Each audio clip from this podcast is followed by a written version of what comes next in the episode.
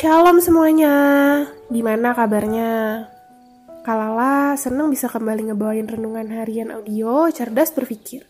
Soalnya, melalui renungan harian ini, Kalala berharap pikiran kita akan semakin diisi oleh kebenaran firman Tuhan. Adik-adik, renungan harian kemarin kan sempat disinggung bahwa ternyata di dalam Tuhan, kekurangan kita bisa menjadi kelebihan kita. Bahkan kelemahan kita bisa menjadi kekuatan kita. Nah, hari ini Kalala mau ngebawain renungan yang judulnya Kekuranganku adalah kelebihanku. Penasaran kan gimana? So, let's check it. Adik-adik, kebanyakan orang berpendapat bahwa orang yang memiliki kelebihan adalah orang yang punya keunggulan atau bakat di bidang tertentu. Dan kelebihan inilah yang dianggap sebagai kekuatan untuk mencapai sebuah kesuksesan. Pandangan ini ada benernya sih. Ya memang, keunggulan seseorang di bidang tertentu bisa menjadi sarana untuk mencapai kesuksesan. Makanya, kalian harus temukan keunggulan kalian dan kembangkan. Uh, tapi kalau saat ini kalian nggak tahu atau belum menemukan kelebihan kalian, ya nggak perlu cemas, nggak perlu juga ngebanding-bandingin diri dengan orang lain syukuri aja apa yang ada. Nah, begitu juga kalau misalnya kalian menemukan kekurangan di dalam diri kalian. Ya, misalnya cacat atau kelainan fisik, keadaan hidup yang kurang baik karena kondisi ekonomi mungkin, kondisi keluarga, dan lain sebagainya. Kekurangan harusnya nggak jadi alasan kita untuk jadi nggak maksimal kan? Justru di tangan Tuhan, kekurangan kita bisa jadi kelebihan kita. Adik-adik, Ungkapan yang bilang bahwa kekuranganku adalah kelebihanku itu benar banget. Masih inget kan kemarin sempat disinggung soal musisi yang justru kehilangan pendengarannya alias tuli. Namanya Beethoven. Kalian tahu kan, yang namanya musisi ya pendengarannya harus tajam. Itu udah biasa. Tapi Beethoven beda. Dia malah tuli. Ini baru luar biasa.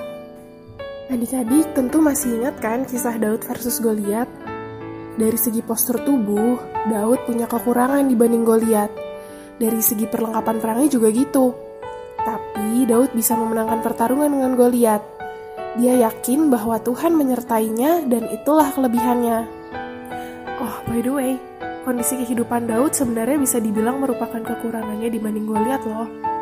Kalau Goliat, dia udah biasa berperang sejak masa mudanya. Nah, kalau Daud, itu adalah pengalaman perangnya yang pertama. Daud adalah seorang gembala kambing domba. Gak banyak, cuma sekitar 2-3 ekor. Bukan 23 ya, 2-3 ekor. Bukan cuma itu, dia juga kayak dilupakan oleh orang tua dan keluarganya. 1 Samuel 16 ayat 1 13 mencatat kisahnya yang menjadikan itu. Samuel mengundang Isa yang adalah ayah Daud untuk hadir dalam suatu acara penting. Semua anaknya hadir kecuali Daud dan Daud dilupakan waktu itu. Coba baca deh adik-adik. Daud sadar kok, tapi dia ngambil pusing. Mazmur 27 ayat 10 bilang begini, Sekalipun ayahku dan ibuku meninggalkan aku, namun Tuhan menyambut aku. Kehidupan Daud banyak kekurangannya, tapi dia nggak larut dalam kegalauan. Dia terus melakukan yang terbaik. Di medan pertempuran, dia nggak pusingin latar belakang keluarganya, perlengkapan senjatanya, postur tubuhnya, dan lain sebagainya yang menjadi kekurangannya dia. Dia juga gak bandingin dirinya dengan Goliat, bahkan Raja Saul sekalipun. Dia tetap fokus dengan apa yang ada padanya dan dengan apa yang bisa dia lakukan. Selebihnya biar Tuhan yang bekerja. Adik-adik, anggap aja nih, anggap aja dirimu gak ada keunggulan. Gak ada sama sekali ekonomi keluarga pas-pasan, dipandang sebelah mata oleh orang lain, di sekolah juga biasa-biasa aja, mungkin punya cacat atau kelainan fisik dan lain sebagainya.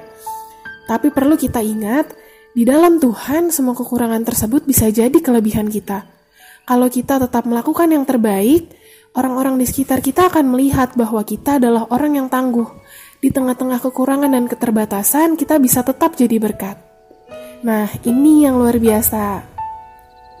Yuk kita berdoa. Tuhan, terima kasih untuk renungan hari ini. Kami mau terima kekurangan kami dan kami mau serahkan seluruh kekurangan dan kelemahan kami ke dalam tanganmu. karena kami tahu hanya Engkau yang dapat merubah kekurangan dan kelemahan kami menjadi kelebihan dan kekuatan kami. Kami gak akan fokus dengan apa yang tidak kami miliki, tetapi kami bersyukur karena kami memiliki Allah yang sanggup menyempurnakan kekurangan kami. Dalam nama Tuhan Yesus kami berdoa, haleluya, amin.